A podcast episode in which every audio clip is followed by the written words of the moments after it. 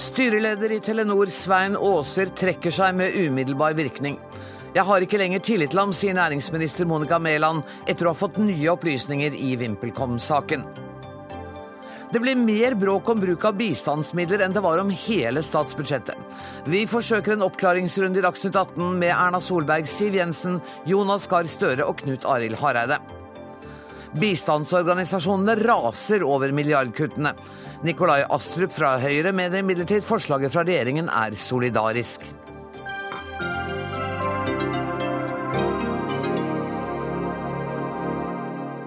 Dette er fredagsutgaven av Dagsnytt 18, der vi også skal høre at det er voldsomme skogbranner i Indonesia. Brannene er påsatt for å rydde plass til mer palmeoljeproduksjon. Her hjemme reagerer naturvernorganisasjonene. Men aller først. Mistillit fra næringsministeren medførte at styreleder i Telenor, Svein Aaser, i dag trakk seg med umiddelbar virkning.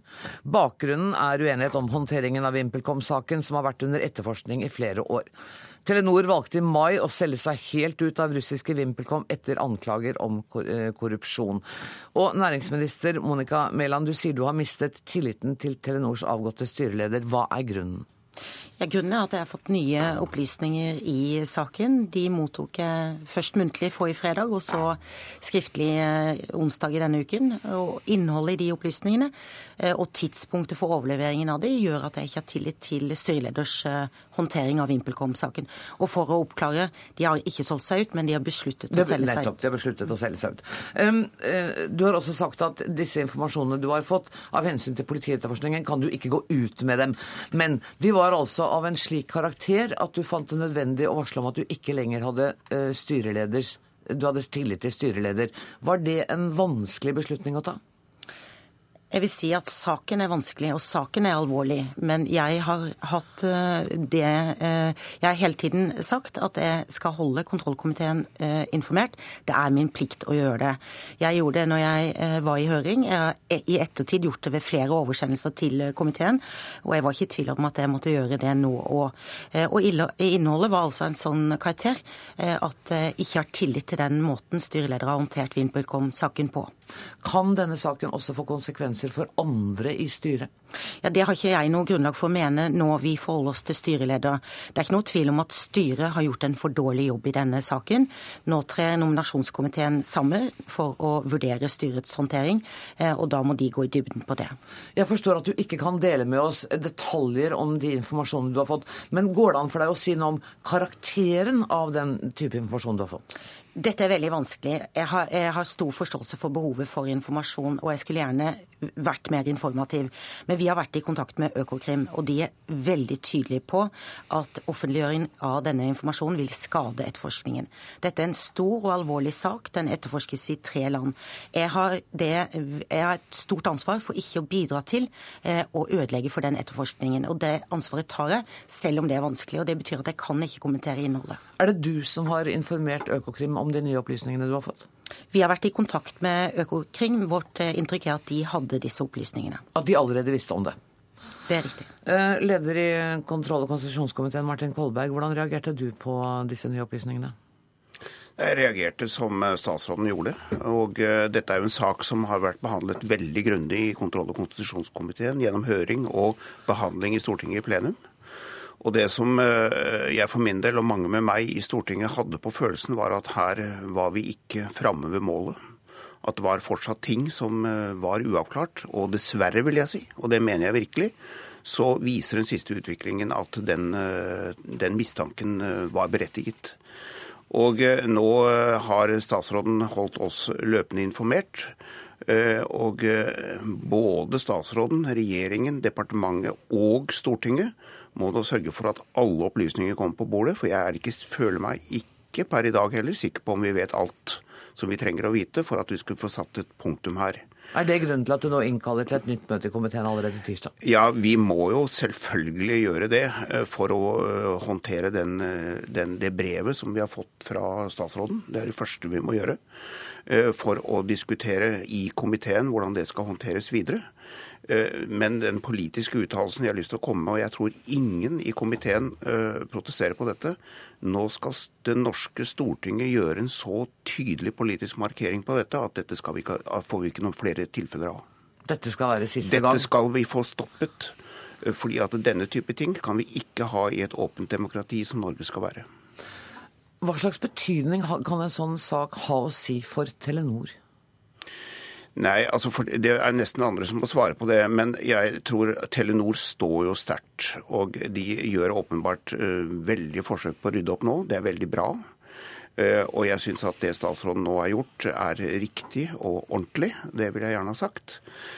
Men på en annen side så er det slik at det er klart at når et norsk selskap som attpåtil er et statseid selskap, og som har den historien som det har i Norge, kommer inn i randsonen av å bli beskyldt for korrupsjon, som jo er et stort internasjonalt problem, uh, som internasjonale konserner driver med, og de prøver å runde nasjonale myndigheter gang på gang, så er det med å gjøre at de nå i alle fall virkelig går inn i det og snakker sant, riktig og fyllestgjørende til statsråden og til Stortinget. Hvis de gjør det, så vil de klare å rette dette opp. Hvis de igjen forsøker å, å vri på argumentasjonen, holde noe tilbake eventuelt, eller manipulere, da vil det gå veldig dårlig med Telenor.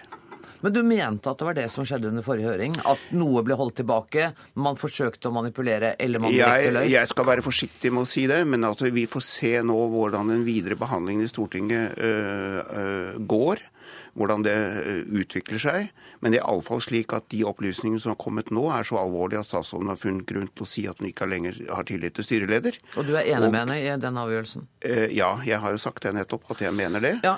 Eh, det men jeg vil ikke være forsiktig med å si at de bevisst manipulerte, men iallfall er det sånn at mer opplysninger kommer fram nå. Og det skal være interessant å finne ut, programleder, om de opplysningene kommer fram som et resultat av etterforskningen eller Telenors egen gjennomgang. Mm. Fordi at det er en viss forskjell på det. Kan det bli aktuelt med en ny høring? Altså, Det kan, er sant, men da mener jeg kan. Mm. Fordi at Nå får jeg først drøfte dette med hele komiteen samlet, før vi tar standpunkt til hvordan dette skal håndtere dette videre. Men du, så vidt jeg husker, så konkluderte dere i mai med at det var et åpent spørsmål eh, hvorvidt det hadde foregått korrupsjon eller ikke. Med de nye opplysningene ville den konklusjonen vært annerledes. Kan jeg tolke deg dit? Jeg, jeg, jeg, det vil jeg ikke svare konkret på. Jeg vil drøfte det med komiteen, og jeg vil ikke gi det noen karakter, for da vil jeg komme inn på indirekte hva som er innholdet i det hemmelige brevet, og det ønsker jeg absolutt ikke å gjøre i en så alvorlig sak. Statsråd, eh, hvordan går arbeidet videre nå? Jeg forstår at dere nå må arbeide med altså eh, Nominasjonskomiteen må prøve å finne en ny styreleder så fort som mulig. Hvordan vil du arbeide videre med denne saken? Ja, Vi er jo representert i nominasjonskomiteen, og så skal bedriftsforsamlingen velge ny styreleder. Vi følger denne saken, det har vi gjort hele tiden. Og Kolberg har jo helt riktig riktig i at vi ikke vet alt. Det er en etterforskning. Vi kjenner ikke innholdet i den, og vi kjenner ikke konklusjonene. og vi vet heller ikke når de kommer. Denne saken er ikke avsluttet, og fra vår side så kommer vi til å følge den opp i hele vår eh, eierdialog med Telenor. Den er alvorlig? Ja, den er alvorlig. Terje Rekstad, du er utgavesjef i Dagens Næringsliv, og du har fulgt denne saken lenge og kan mange av detaljene. Hvordan vurderer du det som har skjedd i dag? Ja, det er en sensasjonell utvikling. Eh, enten så har styreleder Svein Aase gjort en dårlig jobb eller en forferdelig dårlig vurdering. For Hvis denne informasjonen har eh, vært kjent for Telenor-ledelsen tidligere og ikke overlevert til Stortinget og statsråden, så er det en utrolig dårlig vurdering. Vi kjenner jo ikke innholdet, Nei. men når disse to sier at det er så alvorlig, så må man ta for gitt at dette er, dette er innhold som, eh, informasjon som de burde ha hatt. Og så kan de ha gjort en dårlig jobb, rett og slett ved å ikke eh, kartlegge ordentlig hva de har visst om dette. Det er klart, Dette er en korrupsjonssak som har foregått altså mulig korrupsjonssak som har foregått i et annet selskap i et land langt borte. Telenor er eier og har styrerepresentanter. Telenor har aldri i de årene vi har spurt dem, ønsket å fortelle hva de faktisk har visst om dette. De har bare sagt at VimpelCom har forsikret oss om at uh, alt er i orden. Amerikanske advokater har sett på dette, og det ser bra ut. Men nå er det åpenbart informasjon som tyder på at de har visst mer enn det de har sagt og vært villige til å si tidligere. Og det er jo ekstremt alvorlig hvis du holder informasjon av den type hemmelig, hvis du kjenner til den. Kan dette ha noen sammenheng med skifte av administrativ ledelse i Telenor? At disse opplysningene kommer? Ja, altså, jeg... Eller er det for konspiratorisk? Nei, jeg tror det er en veldig naturlig forklaring. Du rydder ordentlig opp. du går skikkelig gjennom saken. Altså Selskapet har jo sagt at de har hatt en strategisk vurdering av denne posten og bestemt seg for å selge den.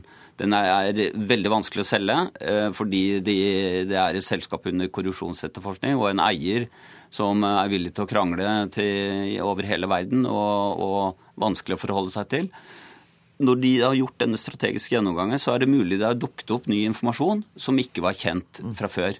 Men den, det, er, det er veldig rart da når et selskap, et norsk selskap av så stor betydning, vårt nest største selskap, som har vært under ild så lenge, at de ikke har sørget for å endevende alle skap tidligere, det er nesten helt utrolig. Mm.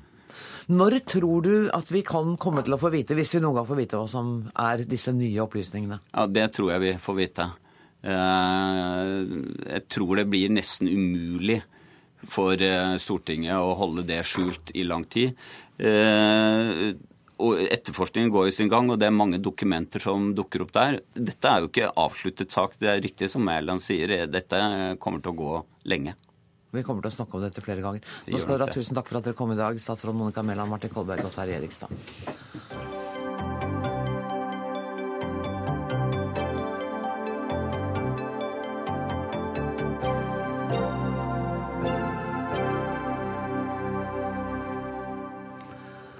9,5 milliarder kroner er satt av til å håndtere asylsituasjonen neste år. Det ble kjent da regjeringen la fram tilleggsmelding til statsbudsjettet i dag. Pengene skal bl.a. hentes fra bistandsbudsjettet og gjennom økt oljepengebruk og mindre skattekutt. Statsminister Erna Solberg, velkommen hit. Det anslås at over 30 000 asylsøkere kommer til Norge i år. Og kanskje så mange som 50 000 neste år. Dette er jo helt usikre tall. Utfordringene er mange og usikkerheten er stor. Hva er det dere forsøker å gjøre med denne tilleggsmeldingen? For det første så forsøker vi å få finansiert de utgiftene vi trenger for å få et uh, mottakstilbud som fungerer, saksbehandling, politistyrking for identifikasjon, uh, alt det som skal til, ikke minst for å sørge for at enslige mindreårige får de behovene dekket som de har når de kommer gjennom omsorgssenter og annet. Det er mye penger som går ut på opphold og prosess og saksbehandling av det. Så forsøker vi også å eh, ta ned litt bestander på noen områder. Det er for både for å ha rom til kostnadene, altså det utgiftene vi har, men det er også for å ikke være i utakt med det land rundt oss har av ytelser. Og så sender vi to veldig tydelige og klare signaler om at vi kommer tilbake til innstramninger i i tilknytning til mer midlertidige oppholdstillatelser, se på familiegjenforening, ting som over tid skal bidra til at som når så mange kommer, at vi får et bærekraftig eh, asylinstitutt og asyl, eh, altså prosedyrer og, og, og, opphold og utvikling i Norge. Og at vi skal jobbe med mer med integreringspolitikken og komme tilbake igjen med områder som gjør at vi setter sterkere press på at folk raskere kommer ut i jobb. Mm. For Du har sagt at vi kommer ikke til å klare å mestre den langsiktige integreringen hvis vi ikke også klarer å omstille oss økonomisk. Så det betyr at vi alle må være innstilt på en økonomisk endret situasjonen for å takle dette? Det det jeg der har sagt, er at vi fortsatt i budsjettet har vernet om de tiltakene som bidrar til at vi skaper mer jobber. Vi skaper de nye fremtidsrettede jobbene i Norge. At vi sørger for at norsk økonomi, som jo er i, har litt utfordringer knyttet til høyere arbeidsledighet, mm. til en omstilling pga. lavere aktivitet i olje- og gassektoren. Vi er nødt til å fortsette å gjøre det. Vi kan ikke bare betale flyktningutgifter. Vi er nødt til å gjøre det arbeidet som bidrar til at vi får flere jobber. For i fremtiden så må vi ha enda flere jobber når det kommer så mange til Norge, som også skal trenge en jobb i fremtiden. Finansminister Siv Jensen, samtidig som dere altså bevilger 9,5 milliarder kroner til asylhåndtering, så reduserer dere økonomiske ytelser til asylsøkere med ned mot 20% og kutter norskopplæringen f.eks. Um, hvordan har dere arbeidet for å finne de kuttiltakene som dere mener er forsvarlige i den alvorlige situasjonen vi er i? Altså, Bakteppet for dette er jo at Norge ikke er dimensjonert for den store tilstrømmingen av asylsøkere og migranter som vi nå ser til Norge. Det gjør at vi må snu alle steiner i dette arbeidet. Og det handler først og fremst om at vi ikke kan ha rausere ordninger enn land rundt oss. Fordi det øker jo i så fall attraktiviteten for å komme til Norge. Det er en av grunnene til at vi må gjøre noe med det. Og så må vi rett og slett eh, se på hvordan vi skal få til en mer bærekraftig eh, asyl- og innvandringspolitikk fremover. Det er jo derfor vi legger frem mange forslag til helt nødvendige innstramminger i asylinnvandringspolitikken. Eh, fordi det vil jo være et veldig tydelig signal som kan bidra til at tilstrømmingen fremover går ned og i stedet for opp. Men det er jo helt riktig. Prognosene for neste år er høyst usikre. De kan bli høyere, og de kan bli lavere.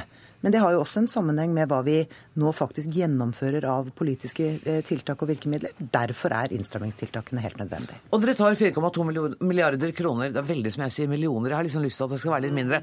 4,2 milliarder fra bistandsbudsjettet, det blir det bråk av. Var det helt nødvendig?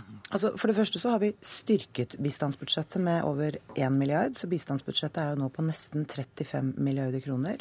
Eh, vi har også styrket den humanitære delen av bistandsbudsjettet i, eh, for neste år. Eh, fordi vi har en alvorlig situasjon i Syria og nærområdene, så vi har jo satset mm. sterkere på det. Men så er det helt riktig. Det er en helt vanlig mekanisme, vært lenge praktisert i mange OECD-land, om at man også kan betale flyktningutgifter i eget land ved tilstrømming. Eh, Norge har eh, praktisert den regelen lenge, men med ulik kraft. Våre naboland har jo lenge ligget eh, på det nivået vi nå kommer opp på. Og de kommer antagelig til å øke enda mer det neste året. Så jeg har registrert at mange har, har brukt sterke karakteristikker ja. i dag. Men jeg har lyst til å minne om at vi allerede har et svært raust bistandsbudsjett. Vi deltar i mange sammenhenger rundt omkring i verden. Og vi bruker en mekanisme som også handler om å hjelpe flyktninger i Norge. Eh, og det mener jeg er helt rimelig, den ekstraordinære situasjonen vi står i. Leder av Arbeiderpartiet, Jonas Gahr Støre, dere har sendt ut en pressemelding i dag hvor dere sier at det er en utfordrende situasjon, og her skal vi arbeide sammen for å få dette til. Det, opplegget som regjeringen nå legger fram, vitner det om en raushet i forhold til eh, flyktninger og asylsøkere? Jeg tror vi kan begynne med å si at det er en ekstraordinær situasjon vi er i, og det vi må ta inn over oss, at den trolig vil vare. Eh, noen ganger opplever man øyeblikk hvor ting virkelig forandrer seg. Altså Berlinmurens fall var litt slik. Da kom det en ny orden. Og det at disse store folkemengdene er på vandring, og at de nå ser at det er åpninger i Europa, og de kommer som de gjør, det er et slikt øyeblikk. Og vi må møte det i Norge, men først og fremst gjennom internasjonalt eh, samarbeid. Det er to ting i dette som har kommet i dag. Det ene er en invitasjon til at vi ser på hele kjeden i innvandringspolitikken. Asyl, mottak, registrering, komme i arbeid. Eh, der har også regjeringspartiene invitert til et bredt samarbeid. Det er Arbeiderpartiet for. Eh, realiteten i dag er at vi har aldri hatt så bred enighet om hovedpilaren i denne politikken. Den skal være streng, rettferdig og human, og den skal videreutvikles i takt med utfordringene. Det er det ene det, de møtene begynner til uken. Så er det budsjettet, regningen for dette. Mm. Det er jo noe mellom de fire partiene som har avtaler. Det er ikke Arbeiderpartiet. Men vi dekker også inn denne regningen i vårt alternative budsjett. Vi har andre prioriteringer. Vi mener at regjeringen gjør ting her som ikke er riktig måte å dekke inn en sånn regning på, men om det står jo den politiske debatten. Men det store temaet er jo hvordan vi eh, integrerer bedre. Mm. Og så må vi ikke tro at dette er bare noe som endrer seg fordi vi gjør små endringer i opplegget i Norge, for dette er en så stor internasjonal kraft at eh, vi må ha mer internasjonale løsninger for å lykkes. Og jeg forstår at Du har ikke lyst til å gå inn på enkeltdetaljene, men nå ser det store bildet, og dere skal i samtaler mm. for å prøve å nå dette. Eh, men samtidig så må jeg jo spørre, synes Arbeiderpartiet at det er prinsipielt helt i orden å bruke bistandsmidler i den situasjonen vi er nå. Det er et regelverk som åpner for å bruke bistandsmidler på flyktninger. og Det har vi gjort i Norge gjennom mange år, og det har svingt litt med hvordan situasjonen har vært. I vårt alternative budsjett kommer vi også til å åpne for det, men regjeringen går for langt. Den bruker for mye over 20 av bistandsbudsjettet går ned til dette. Og den foretar kutt på områder hvor vi ikke burde kutte. Altså Vi foreslår nå kutt på miljø og klima rett før Paris-toppmøtet.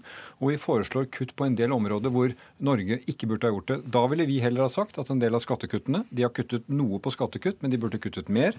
Prioritert annerledes, slik at vi kunne hatt et sterkere profil på dette internasjonale engasjementet, som jo til syvende og sist handler om de områdene hvor folk kommer fra. Jeg skal ta en Knut Arild Hareide før finansministeren får ordet. Knut Arild Hareide, jeg bør nesten ikke spørre deg hva du syns om å kutte i bistandsbudsjettet. Det er klart at eh, dette er, det, dette er, regjeringens framlegg. Dette er hva Fremskrittspartiet og Høyre tenker er en riktig dekning av de kostnadene som vi alle er nødt til å dekke. Eh, så er det som både eh, Siv Jensen sier og Jonas Gahr Støre sier, det er regelverket åpner jo for dette. Og det har vært gjort før, det vet vi. Ja, Men allikevel er men, ganske men det er noe med størrelsesorden. Nettopp. Og det er jo også sånn at eh, det er jo sånn at Statsbudsjettet kommer jo i del to, to deler denne gangen. Eh, Del én kom 7. oktober. Del to kom i dag, 30. oktober. Og det er ikke tvil om at det bistandsbudsjettet som kom 7. oktober, er veldig mye bedre enn det vi får presentert i dag.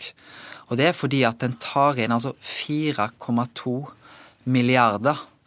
Eh, Det er aldri vi har sett et større kutt i bistanden. Og det som jeg syns er spesielt, er jo at det er jo sånn at vi står nå foran en dugnadssituasjon. Og er det sånn at da de som har minst, verdens fattige, er de som skal bidra mest inn i den? Eh, Jeg mener at vi må bidra etter den evnen vi har. Eh, Så var jo jeg her i, i går og la fram hvordan vi ville dekke inn det. Det skapte ikke en veldig stor begeistring eh, i Høyre og Fremskrittspartiet. Men jeg mener jo at eh, i dagen i dag er hvordan de vil løse dette. I går la vi fram hvordan vi ønsker å gjøre det. Og jeg mener at vi er nødt til å se på hvordan vi kan komme bedre ut. Og det handler jo ikke om hva som er riktig for partiene, men hva er riktig i denne situasjonen her. Og det er jo at verden og Europa står foran en krevende situasjon. Og da, hvis vi da kutter i den hjelpa til verdens fattige, så kan jo vi være med på å gjøre at flere mennesker må på flukt fra krig og konflikt. Det er nettopp det vi må sikre at ikke skjer. Og derfor så er bistanden, vil jeg si, viktigere i dag enn på lang, lang tid. Men vet du hva, Hvis jeg skulle forsøke meg på en enkel politisk analyse, finansminister, så vil jeg si at det ser ut som samtalen etter uka kan bli mer utfordrende med Kristelig Folkeparti enn med Arbeiderpartiet. Jeg er jo glad for at flere partier signaliserer vilje til å være med på å stramme inn i asyl- og innvandringspolitikken. Det er helt nødvendig i den situasjonen vi står i nå. Men det jeg vil utfordre Støre på, er jo igjen dette angrepet på skattespørsmål. Det er altså sånn at Vi må klare å ha flere tanker i hodet på en gang. Eh, Vi skal ikke nå bare behandle et budsjett som skal løse utfordringene eller finansiere tilstrømmingen av asylsøkere og migranter. Vi har altså en alvorlig situasjon i norsk økonomi. Det er en grunn til at det budsjettet regjeringen la frem 7.10, hadde overskriften 'arbeid, aktivitet og omstilling'. Folk mister jobben. Bedrifter har det krevende. Det er store nedbemanninger i olje- og gassrelatert næringsliv, og vi må omstille oss. Da må vi holde fast i virkemidler som bidrar til økte investeringer i nye arbeidsplasser og flere bedrifter fremover. Det største strukturpolitiske virkemidlet som ligger i budsjettet for det, er skattereformen og skattereduksjoner. Så er det helt riktig. Vi har redusert noen av skattelettelsene neste år for å finansiere eh, det vi har lagt frem i dag. Men vi må altså ikke glemme tiltakspakken som er rettet inn mot de fylkene som nå sliter mest. Vi må ikke glemme eh, at vi skal sikre arbeid, sysselsetting, vekst i norsk økonomi fremover, eh, når vi også diskuterer hvordan vi skal håndtere denne svært utfordrende asylsituasjonen. Støre. Eh, I den tiltakspakken er det mange gode ting. Vi kommer til å foreslå det samme. Eh, De har altså kuttet nå å redusere formuesskatten, som var alfa og omega for en måned siden. Eh, Og de andre skattekuttene de har, de er ikke avgjørende nå. Det har ikke noe å si for å virkelig gjøre noe i forhold til ledigheten. Mer målbruk, Den diskusjonen hadde vi for fire uker siden.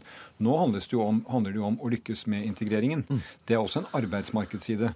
Og når jeg, og når jeg, og, lykkes om å skape arbeidsplasser. det er helt riktig, og derfor så mener vi at vi har en annen oppskrift for det. Men eh, programleder sa det at det ville være lettere å snakke med meg om dette enn med Kristelig Folkeparti. Ja, ut sånn som det hørtes ut Ja, nå. men så- poenget er at hun kommer ikke til å snakke med meg om det, for vi er ikke budsjettpartner. Nei, men hun kommer, det er det ikke invitert alle partiene Jo, til det å drøfte til å dette? det er til å diskutere hovedlinjene for integrering. Det og var mitt mener lille poeng. Ja, og det, men der tror jeg vi faktisk har muligheten til å strekke oss til å si hvordan skal vi legge til rette for at det blir god norskopplæring. Det er jo galt å kutte i penger til norskopplæring. Når vi, har også, vi trenger mer norskomlæring i utgangspunktet, og nå er det flere som trenger det. Eh, Men disse spørsmålene må vi diskutere, og der tror jeg vi kan få til et bredt forlik. Der har vi aldri hatt bedre utgangspunkt for det. Men hvordan vi dekker regningen, det kommer lett inn i det som er uenigheter om budsjettspørsmål, Ikke sant? og det skal foregå mellom de fire Ja, budsjettpartnerne. ja, jeg beklager at jeg surra det til Nei, og lagde en misforståelse. sånn, så Men du det presiserte det. Aldeles nydelig, statsminister.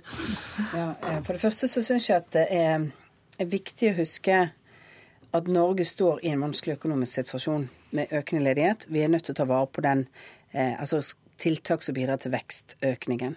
Det har vært en viktig del av det vi har tenkt på når vi har laget de innrammingene vi har.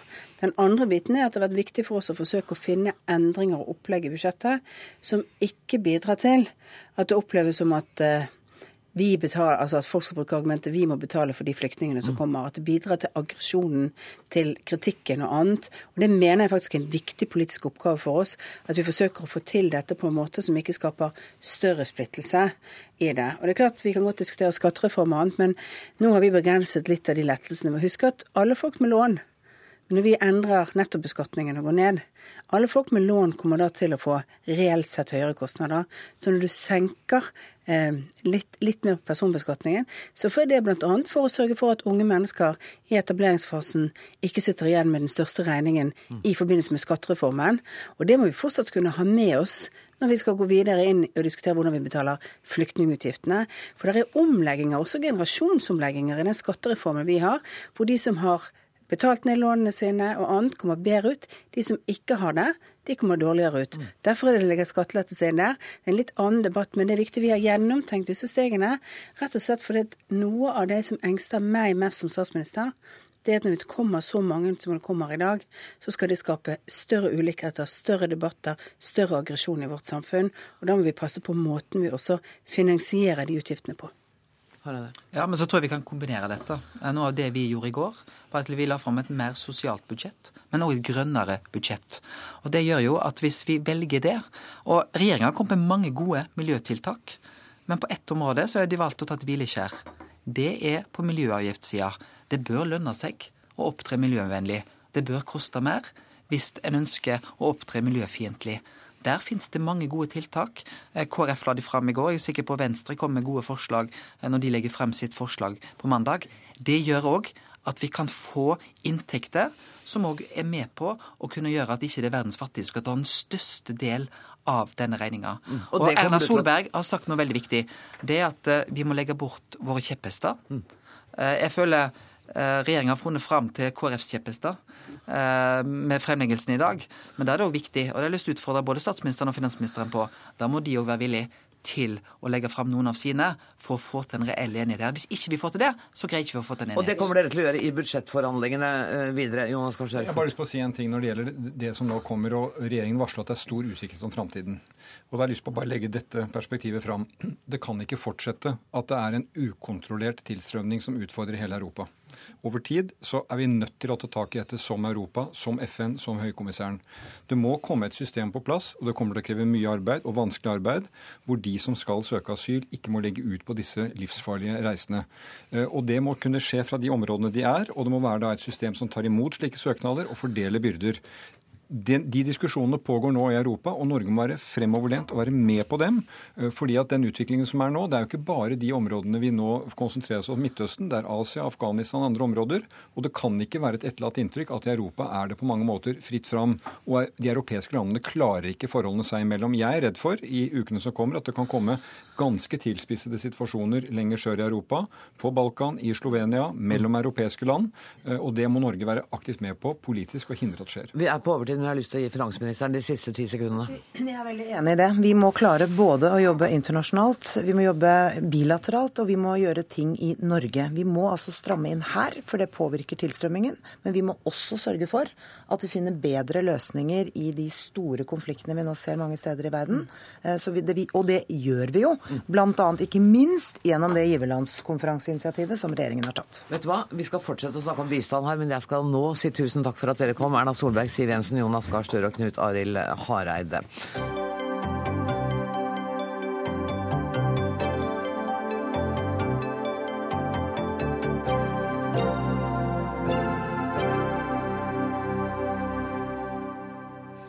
Fordi dramatisk og usolidarisk er to av ordene som er brukt eh, fra bistandsorganisasjonene etter at regjeringen i dag la fram tilleggsmeldinga om flyktninger.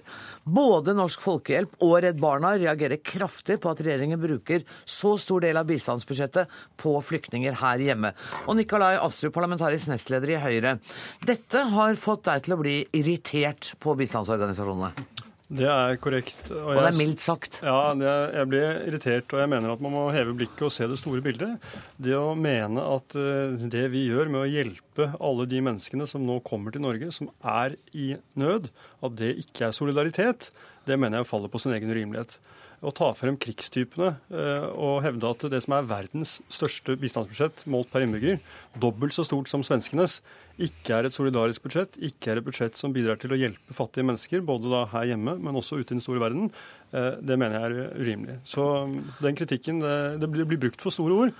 Eh, og jeg syns man i grunnen burde erkjenne at det vi gjør her hjemme for de eh, kanskje 30 000 menneskene som kommer hit eh, i år og neste år, eh, er viktig. Tove Wang, generalsekretær i Redd Barna. Dere bruker altfor store ord og krigstyper på noe som er et solidarisk eh, budsjett. Jeg er jo helt uh, uenig. Vi kunne ha brukt enda større ord, spør du meg. Det er faktisk sånn at det er en, et historisk skifte i å bruke penger i Norge sammenlignet med å bruke penger ute. 21% av bistandsbudsjettet skal nå brukes i Norge. Det er flott at vi hjelper flyktningene som kommer hit, men skal vi sende den regningen til de fattige der ute, som bistandsbudsjettet egentlig er til for? Din eh, statsminister Erna Solberg var i FNs generalforsamling i eh, ja, noen uker siden, i september, og snakket varmt for de bærekraftige utviklingsmålene.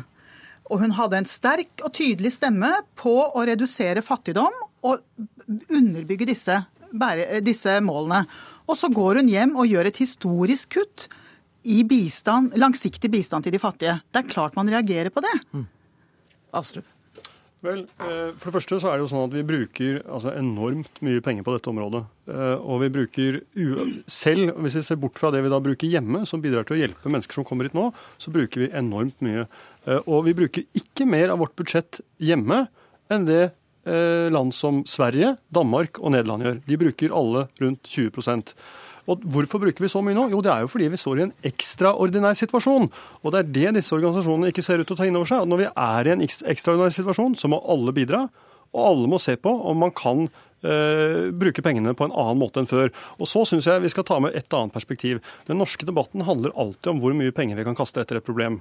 Og jeg mener vi må komme forbi det stadiet. Vi må også se på hvordan vi bruker de pengene vi faktisk eh, har. Men på en enda bedre måte enn før. Mener du at det er det organisasjonen gjør? Det høres unnskyld meg, litt ja, fordi, ut at de kaster penger etter et problem. Nei, nei, men det er fordi nesten alle diskusjoner vi har om dette i Norge, det skal løses med mer penger. Mm. Og eh, Hvis vi ser på bistandsbudsjettet vårt, 35 milliarder kroner, så er det helt åpenbart at vi kan bruke noen av de pengene på en bedre måte enn det vi gjør i dag. Jeg har selv eh, jobbet i en kort periode for Verdens helseorganisasjon, evaluert bistandsprogrammer i Afrika. og eh, Det er ingen tvil om at det er et stort forbedringspotensial på bruk av bistandspenger. Og jeg mener Det ansvaret også ligger på organisasjonene. Hvordan kan vi få mer ut av de pengene vi faktisk har, eh, for å løse det som er store eh, utfordringer for eh, det globale samfunnet. Liv Tørres, Norsk Folkehjelp er blant dem som kritiserer regjeringen i dag. Ja, altså effektivisere. altså Sånn som de har kuttet på bistandsbudsjettet i dag, eh, bl.a. sivilsamfunnspotten, så er det nesten ikke noe igjen å effektivisere. Nei, nå er det faktisk jeg som snakker. Eh, dere fjerner omtrent eh, den potten som gjør det mulig for sivilsamfunnsorganisasjoner der ute i verden å faktisk fungere som buffere, sånn at vi ikke får flere humanitære kriser og flere flyktningestrømmer og større flyktningestrømmer. Så det er kontraproduktivt. Det er det andre vi sier. Og så er det faktisk ikke sånn at vi ikke kjenner situasjonen og vet at dette er en ekstraordinær situasjon. Altså Samtlige av disse store humanitære organisasjonene i Norge som har gått ut i dag og kritisert de grepene som har blitt gjort, nettopp med den type argumenter at dette er kontraproduktivt. Dere risikerer å skape større problemer på sikt. Kjenner denne situasjonen og vet at dette er en ekstraordinær situasjon, og har jobbet med det som vi gjør, både ute i Europa og her hjemme nå i veldig lang tid. Men, men det må spørre deg, Tove Wang. For det kan ligge litt under her at dere er redd for at deres organisasjoner ikke skal få nok inntekter? Altså at dere ber litt for deres syke mor? Ja, Mele vår syke mor, som jeg sier. Ja, nettopp. Altså, jeg ser at det kan høres sånn ut, men det er feiloppfattet. Vi er de som er nær de barna som nå ikke har mulighet til å gå på skolen. Vi er de som er nær de kvinnene som kanskje mister barna sine fordi de ikke har tilgang til helsehjelp, fordi man må kutte i budsjettene. Er, jeg er ikke bekymret for et barna oppi dette. Ja, vi kan, kan godt få en stor jobb i å revurdere. Ikke problematisk. Det er ikke der saken ligger. Saken ligger i redusert bistand til sivilsamfunnsorganisasjoner ute i det ganske land som står ansvarlig for å sørge for at myndighetene i de landene faktisk gjør jobben sin, og som er en samfunnsaktør vi trenger. Det er der problemet ligger. Det er ikke for oss vi snakker. Jeg må Og bare det høre om Astrup har skjønt det. Nei, det, det der, det, med, det med sivilsamfunnene ute, at det, hvis vi reduserer støtten til dem, så kan det faktisk føre til en økt flyktningstrøm til Norge. Altså Bistandsbudsjettet, det som da går ute, er 27 milliarder kroner. Og innenfor det budsjettet så ligger det både tiltak eh, for å eh, motvirke eh, krig og konflikt, for å bidra til at jenter får utdanning, for å bidra til at barn, fattige barn får gå på skole. Det ligger akutt nødhjelp, ikke minst i nærområdene rundt Syria, for å hindre at flere trenger å flykte. For å avhjelpe de akutte utfordringene vi har der. Så det ligger en ganske stor pott på 27 milliarder. Sammenligner man det med hvilket som helst annet land i verden, så er det et enormt bistandsbudsjett. Det høres her ut som det er en katastrofe. At vi er usolidariske. At vi, vi ikke bidrar. Vi er altså et av de landene i verden som bidrar absolutt mest. Og da syns jeg, og da, og det, da syns jeg det er litt synd at de får det til å høres ut som vi er et usolidarisk land. Vi øker bistandsbudsjettet, til tross for at programlederen også i den forrige debatten sa at vi kutter i det. Vi øker det med 1,2 milliarder i dag. Og så bruker vi altså penger på å hjelpe mennesker som er i nød og kommer og banker på døren her i Norge. Og det ansvaret må vi ta. Men rydde opp i det der med sånn at vi ikke får flere sånne runder. Dere øker det med 1,2 milliarder kroner i dag til 34,8 milliarder kroner. og så reduseres det med Det- altså, Så altså, bruker bruker det i Norge. Nei, så bruker vi, så omfordeler vi 4,3 milliarder kroner. Ja, det, til å bruke i Norge. Og, det, og totalt sett så er det jo noe som var omfordelt fra før. Altså Ja. I 2010 så brukte vi 10% av bistandsbudsjettet her hjemme. Nå bruker vi 20 og Hvorfor har vi økt det med 10 prosentpoeng? Jo, det er jo fordi vi er i en helt annen situasjon og nå får tre ganger så mange asylsøkere som det vi hadde lagt til grunn Men- uh, da vi gikk inn i året. Men kan jeg ta fatt i et par ting her? Altså investeringene som da Altså omdisponeringene hit for å administrere utgifter eh, knyttet til flyktningkrisen her hjemme, det kan man betrakte på flere måter. Ja, det er hjelp til flyktningene, men det er også investeringer i norsk samfunnsøkonomi. Pengene blir brukt her. Sånn sett så er det utviklingsprogrammer i Norge vi snakker om, og Norge er nå en bistandsmottaker fra det norske bistandsbudsjettet. Så sier Astrup at vi kun er opptatt av å kaste ut mer penger. Vi har kommet med en rekke forslag, vi, til innsparinger. Eh, og effektiviseringstiltak for å øke integreringseffekten for de flyktningene som kommer hit. Så det er altså ikke sånn at vi bare er opptatt av å få mer penger. Det vi sier er at de overordna disponeringene her er feil, fordi de vil være kontraproduktive. De vil ikke bidra til mer integrering her hjemme, og det vil ikke redusere flyktningstrømmene derfra og hit. Ja, det, det er jeg uenig i. Og jeg mener jo at det er viktig at vi også ser på når vi nå får så mange inn, så er vi nødt til å gjøre ting på en mer kostnadseffektiv måte enn det vi har gjort før. Også på, eh, på flyktningsiden. Hvordan vi tar imot mennesker, hvor raskt vi klarer å integrere de som kommer hit, hvor raskt vi klarer å få dem ut i jobb. Vi må bli bedre på det. Men det er og sikkert disse at, damene og det enig i. betyr at vi må få mer ut av hver krone, og det betyr at noen poster, ja, der, der må man faktisk klare å hjelpe flere for mindre penger. Da er det Tove Man har Wang som får siste ord. altså- Man har kuttet 18% i langsiktig bistand i 2016 sammenlignet med 2015. Det er ikke mulig å kutte så mye uten at det går utover fattige mennesker i Afrika, som da er mottakere av regningen for at vi tar så stor andel av bistandsbudsjettet og bruker det i Norge. Det er fullt mulig. Ja, og Da må vi rett og slett dere, vi må konkludere med at det er en dyp uenighet mellom dere. Tusen takk for at dere kom, Nikolai Astrup, Tove Wang og Liv Tørres. Inn i studio nå kommer politisk kommentator her i NRK, Lars Nehru Sand. Eh, og Lars, eh, altså, eh, statsbudsjettet ble lagt fram 7.10. I dag kom dette som handler om denne tilleggssaken som dreier seg om asylsøkere. Og så er det mye mer bråk om den lille biten. Ja, Det er en god observasjon, det. Og det var jo fordi det opprinnelige budsjettforslaget fra regjeringen var ganske godt tilpasset. Ikke bare den økonomiske situasjonen slik de trodde den var, men eh, også hvordan eh, merkesaker og, og prioriteringer fra sentrumspartiene skulle være. Og når de nå i nærmest andre runde da, har måttet, eh, måtte omprioritere penger, så oppleves det spesielt provoserende kanskje på, på bistandsfeltet. Og så tror jeg også at de to sentrumspartiene mener at regjeringen egentlig ikke har har prioritert så tydelig som de kunne gjort, men i de øvrige kuttene, nær sagt, eller øvrige eh, omprioriteringene som ikke er bistand eller oljepenger eller skatteopplegget, at det er ganske eh, ostehøvelprinsipp, og, og, at man ikke ser noe politisk signal eh, på den, den, måten som kanskje KrF og Venstre hadde, hadde, ønsket og sikkert ville foreslå. Og så er det eh, spørsmål om bruk av ord her. for det er, det, er det kutt i bistanden, eller er det omdisponering? Eh, og det er altså riktig som eh, Astrup sa, at man har lagt på eh, bistandsbudsjettet med en milliard, men så reduserer man det og bruker det her hjemme. Er det en omdisponering? Ja, Rent budsjetteknisk er det jo det. Mm. Det er det. Når bistandsorganisasjonene, Det er jo ikke bare de to som jeg hadde i studio her nå, men alle bistandsorganisasjonene er i harnisk. Hvilken påvirkningskraft har det overfor regjeringen? Jeg tror det selvfølgelig går mest inn på eh, sentrumspartiene, som kanskje ser det litt som sin oppgave å, å redde dette i, i, de forhandlingene man skal inn i. Og selvfølgelig vet også regjeringen det, eh, at eh, dette kravet ville kommet uansett. Og så skal regjeringspartiene også ha rett i at de kunne brukt et høyere tall enn 4,2. De kunne vel brukt opp, til, opp mot 5,4 milliarder kroner. De mener jo da at de har i hensyntatt noe av dette, men åpenbart ikke nok for, for Knut Arild Hareide Hareide og, og ikke minst organisasjonene.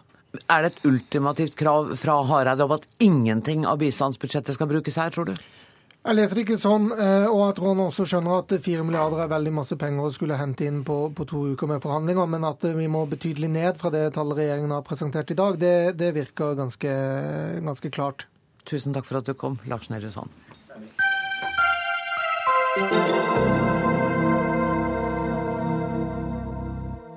Hele tre år tok det før forskerne fikk sjekket tryggheten til svineinfluensavaksinen, som 2,2 millioner av oss tok i 2009.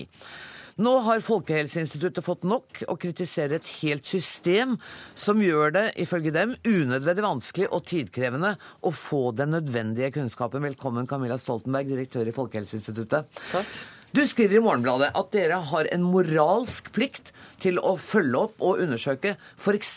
påstander om at barn eller gravide fikk alvorlige bivirkninger av vaksinen. Men det viste seg å ikke være så lett å få gjort. Ja, eh, det viste seg å være veldig vanskelig. Vi ønsket å gi svar til de gravide som hadde fått vaksiner, og også de gravide som sto foran en ny influensasesong i 2010-2011, som var basert på bedre kunnskap enn det vi kunne gi i første omgang. Det viste seg å ikke være mulig, og det er på tross av at disse dataene finnes der allerede. Hva er problemet? Det er liksom ubegripelig. Ja, det er litt ubegripelig. fordi at jeg vil si at det er ikke Datatilsynet og ikke REC-systemet eh, som er problemet. Det er det samlede systemet som er problemet. Og derfor har det nok vært veldig vanskelig å beskrive dette. Fordi at vi har mange lover, og vi har flere sektorer som er involvert når vi skal skaffe data til dette. Så vi må søke mange steder, og det tar lang tid. Ja, og de er ikke helt irrelevante, de to herrene som sitter her, men det er altså 16 instanser hvor dere skal søke, og det er tre departementer som deler på dette ansvaret. Vi har spurt helseministeren om han kunne komme, ingen kunne komme derfra i dag. Sånn at dere må, eh, mine herrer, tåle å være representanter for det som er noe av problemet. Men, men jeg har lyst til å spørre deg litt mer, eh, Camilla Stoltenberg meg. Har dere andre eksempler enn denne svineinfluensavaksinen hvor dette har vært et problem? Ja, Det er veldig mange eksempler, og det er ikke bare Folkehelseinstituttet som har det. Alle forskningsinstitusjoner i Norge som arbeider med registerdata og helseundersøkelsesdata for å redde folks liv og helse, de opplever dette. Og det kan f.eks. dreie seg om studier av medikamentbruk i svangerskapet. Det er slik at Gravide og barn vil aldri være med på uttesting av medikamenter eller av vaksiner. Det er uetisk av gode grunner. Mm. Men ofte så stiller de likevel først i køen når man skal bruke medikamenter, f.eks. i svangerskapet. Så når vi eh, trenger å vite er det slik at antidepressiva, som de som er deprimerte i svangerskapet, trenger å bruke, skader fosteret? Eller er det slik at antiepileptika, som de med epilepsi i svangerskapet trenger å bruke, skader fosteret? Så er det registerdata vi må bruke. Og det kan ta veldig lang tid. Fordi dere ikke får lov til å koble disse dataene? Vi får vanligvis lov. Men... Eh, og lovverket er jo innstilt på at dette skal være mulig å få til, men det er et veldig omfattende og kronglete system som gjør at det tar lang tid å få godkjenninger i veldig veldig mange tilfeller. Ønsker du et sentralt register?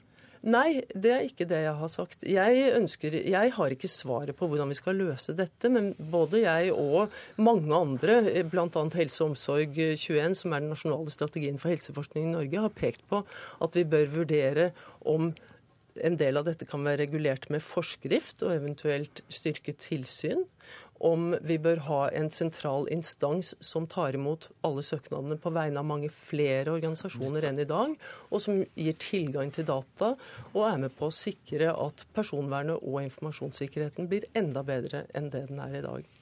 Jakob Hølen, du er sekretariatsleder i Den nasjonale forskningsetiske komité for medisin og helsefag.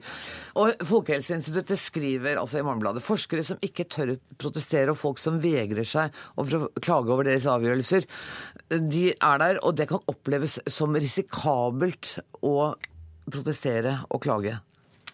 Er det akseptabelt?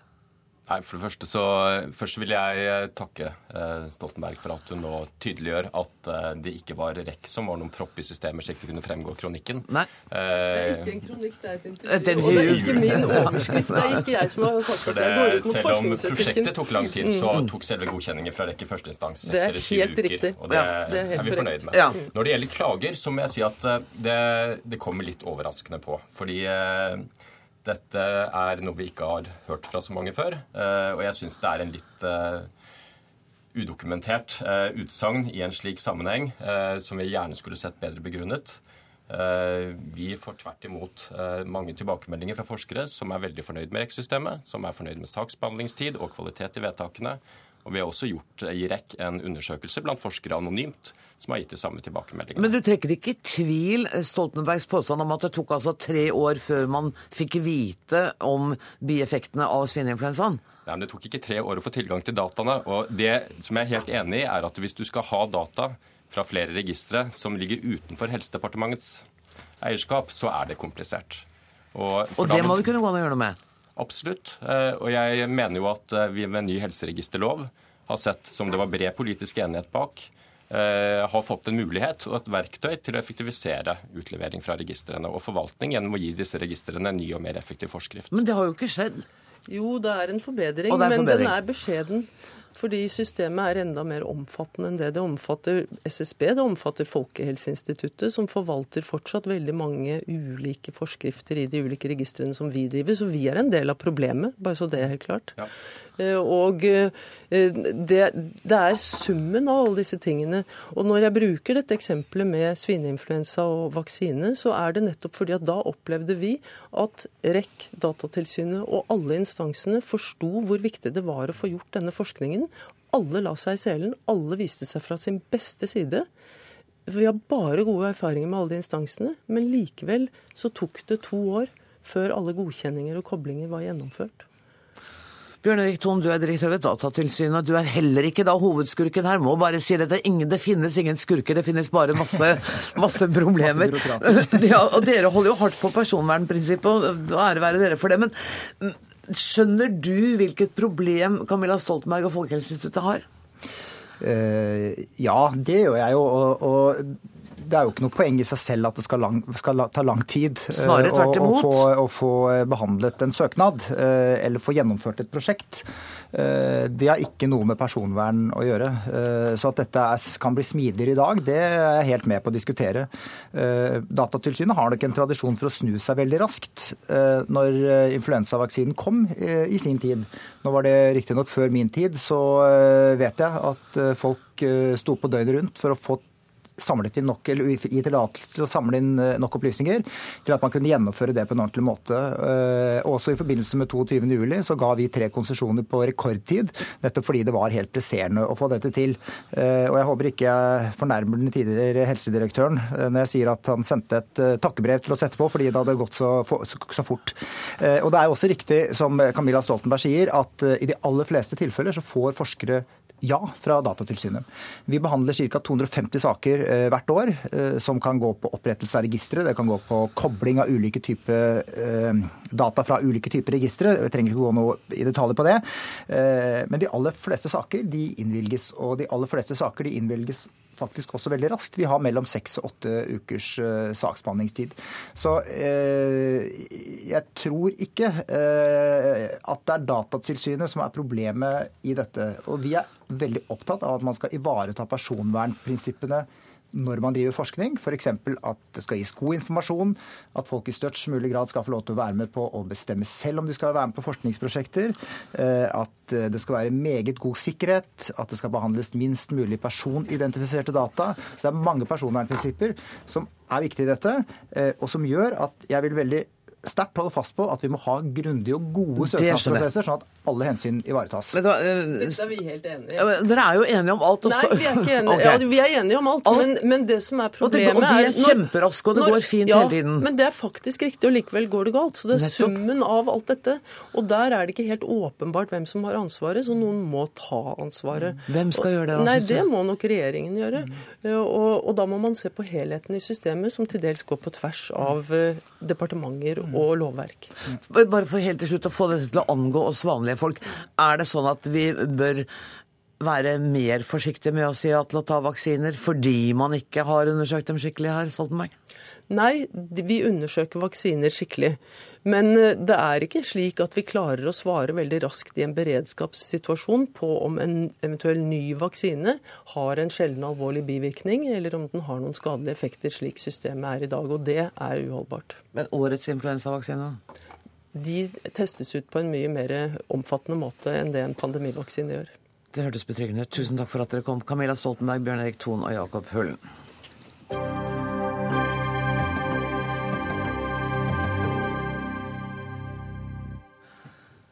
Det skal dreie seg om Indonesia, for på de indonesiske øyene Sumatra og Borneo er et areal større enn Telemark fylke nå ødelagt av skogbrann.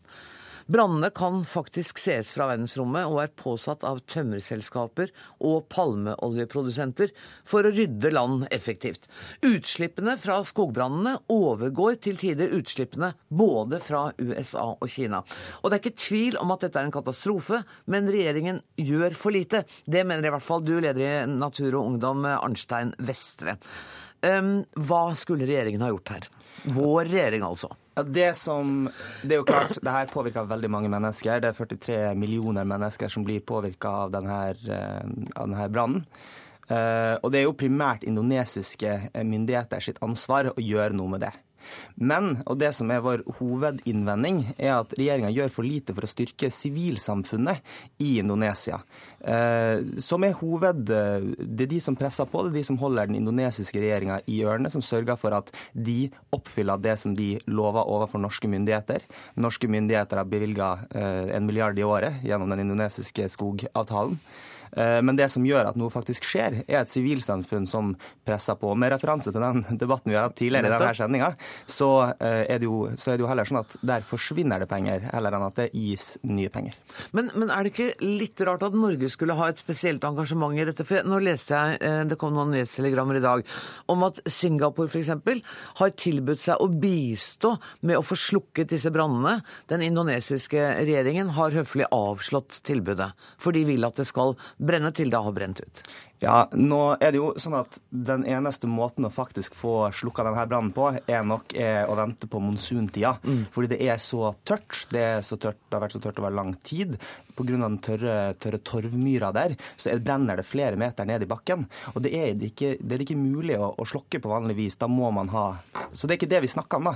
Det vi snakker om, er årsakene til mm. at det er så tørt. Og det er avskoging. Mm. Det er avskoging over tid. Det er degradering av, av skogen. Og der trenger man sterk sterke urfolksgrupper, sterkt sivilsamfunn, som sørger for at man ikke degraderer um, regnskogen, som gjør at det faktisk er muligheten uh, å sette fyr på den. Da. For regnskog brenner jo vanligvis ikke. Lars Andreas Lunde, statssekretær i Klima- og miljødepartementet. I 2010 så inngikk Norge et samarbeid med Indonesia for å støtte landets arbeid for å bevare regnskogen, som vi har hørt her. Og klima- og miljøminister Tine Sundtoft var på, i Borneo i fjor for å se på regnskogen. Og etter besøket sa hun at reisende hadde gitt nye perspektiver på virkeligheten. Hva har det ført til? Norge har et tett og godt samarbeid med Indonesia. Eh, statsråden var der i fjor, jeg var på Borneo nå i april. Hvor var det det? Og det er klart at det gir et inntrykk eh, å besøke, besøke landet, og med de utfordringene de står overfor. Eh, vi har et sterkt, tett, tett, samarbeid med dem. Vi har så langt bevilget 370 millioner kroner til å bygge opp institusjoner, til å styrke urfolks rettigheter i Singapore, til å hjelpe myndighetene med å sette i gang arbeid for å redusere avskogen. Så står vi klare til å bevilge store beløp den dagen Indonesia kan levere resultater resultater i form av redusert avskoging. Det norske klima- og regnskogprosjektet er jo først og fremst basert på betaling for resultater. Mm. Men det ser jo ikke ut som Indonesia har lyst til å komme i en posisjon hvor de kan levere resultater. Jeg tror nok at dette er lyst til det, men det er riktig som Vestre sier, at dette vi ser nå er et resultat av flere tiårs politikk med avskoging, og ikke minst med drenering av torvmyr. Eh, den, si det største, eller Hovedårsaken til brannen er kanskje det er ikke først og fremst skogbrann på Indonesia, men det er rett og slett torvbrann mm. som, som, renner, som, som, brenner, som skyldes mange tiår med drenering, slik at dette er veldig tørt. Og det, når da enten det er store selskaper eller bønder brenner jorden da, for å rydde plass til, til, ny, til ny, ny, produksjon, eh, så, så, så, brenner, så brenner disse. Og dette er altså torv som går mange meter eh, ned, ned, i jorden, og som da er fryktelig krevende å slukke. Og det blir vel ikke blir slukket før monsunen kommer. Før monsunen kommer, det, det, det forstår jeg nå. Men, men altså, det er et område tilsvarende Telemark fylke som brenner. Hva kan Norge, som er da en sånn god bistandsvenn med Indonesia, gjøre for å sørge for at det landet sørger for at det ikke skjer igjen? At vi, det må ikke, i hvert fall ikke settes i gang nye branner. Vi må bistå, bistå, de politiske myndighetene til Indonesia til å ta de nødvendige grep. Og vi ser positive ting fra myndighetene på Indonesia. Det er bl.a. vedtatt et moratorium mot eh, hogst av skog, som den forrige regjeringen eh, vedtok, og som er litt videreført av, av den nåværende regjeringen. De har også startet et arbeid med å kartlegge konsesjoner som er gitt, og eiendomsrettigheter. En av også utfordringene her er at pga. svake institusjoner i Indonesia, så er det gitt ulike konsesjoner på forskjellige ting på de samme områdene, altså overlappende konsesjoner, og til dels også uklare eiendomsrettigheter eiendomsforhold. Det er også viktige ting for å kartlegge, for å kunne stanse eh, brannene og, og, og, og, avskogingen og, dreneringen. Men dette er ikke gjort dessverre i en håndvending. Dette er noe som tar tid. Men vi gjør det vi kan for å bistå myndighetene i Indonesia, slik at de kan gjøre det de kan for å få snudd uh, utviklingen. Arnstad Vestre, blir du litt mer fornøyd når du hører hva regjeringen gjør? Jeg gjør ikke det, altså. Eh, og det handler om at Eh, for å ta det eksempelet som Lunde viser til, da, eh, med moratoriumet eh, på, på hogst. Det er et moratorium som kanskje ikke håndheves så godt som det burde. Men det kom etter et sterkt press fra nettopp sivilsamfunnet i Indonesia. Da var det urfolksgrupper som pressa på regjeringa for at man skulle få det her moratoriumet. Et annet eksempel er når man for to år siden satte den indonesiske skogloven, som gir regjeringa i Indonesia mulighet til å dele ut konsesjoner over en ganske lav sko opp mot grunnloven i Indonesia. Da vant man fordi man fant ut at den brøyt med grunnloven, som ga rettigheten til skogen tilbake til urfolka. Som er det som, for de som husker tilbake til TV-aksjonen for to uker siden, det som redda regnskogen, det er når urfolka får lov til å ta vare på den sjøl. Og da trenger man støtte til organisasjoner som gjør det mulig for urfolka å stå imot og presse på, holde denne eh, regjeringa i Indonesia i ørene. Men det var jo nettopp det statssekretæren sa at vi arbeider med. Nettopp med å støtte uh, urfolkorganisasjoner som kan ta vare på sitt eget land. Ja, men allikevel så kutta man da i midlene til, eh, på bistandsbudsjettet til akkurat de eh, punktene. Og så vil jeg jo også si at jeg ble invitert til her, eh, denne debatten før dagens eh, budsjettendringer ble eh, lagt fram. Jeg vil si at jeg ble mye mer ehm, forberedt på en, på en litt mer oppvarma debatt etter at budsjettet ble lagt fram.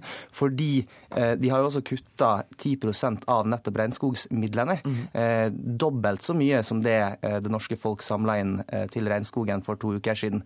Så dersom vi skal stoppe branner som det her. Dersom vi skal stoppe degradering, tap av regnskog, så er det viktig å bygge opp eh, arbeid over lang tid.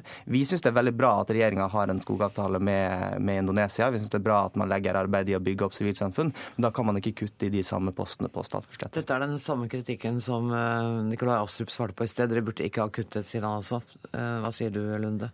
Eh, Det er klart at Når vi har måttet foreta en omprioritering innenfor bistandsrammen for å håndtere den ekstraordinære flyktningsituasjonen, så har også man også måttet ta en forholdsmessig del innenfor regnskogsatsingen. Men de bilaterale samarbeidene, enten det er med Indonesia eller Brasil eller andre ting, det kommer ikke til å bli kuttet. Vi vil videreføre det bilaterale samarbeidet med Indonesia, og det er ikke budsjettproposisjonen nå som vil avgjøre hvordan den går. Det er de grep vi- politiske myndigheter i Indonesia Nå er det fredagskveld for oss alle sammen. Jeg måtte avbryte deg, for tida går så fort. Tusen takk skal du ha, Lars Andreas Lunde. Takk til Arnstein beste. Ansvarlig for sendinga i dag var Dag Dørum. Det tekniske ansvaret har Finn Lie. Jeg heter Anne Grosvold og ønsker dere alle en riktig god helg.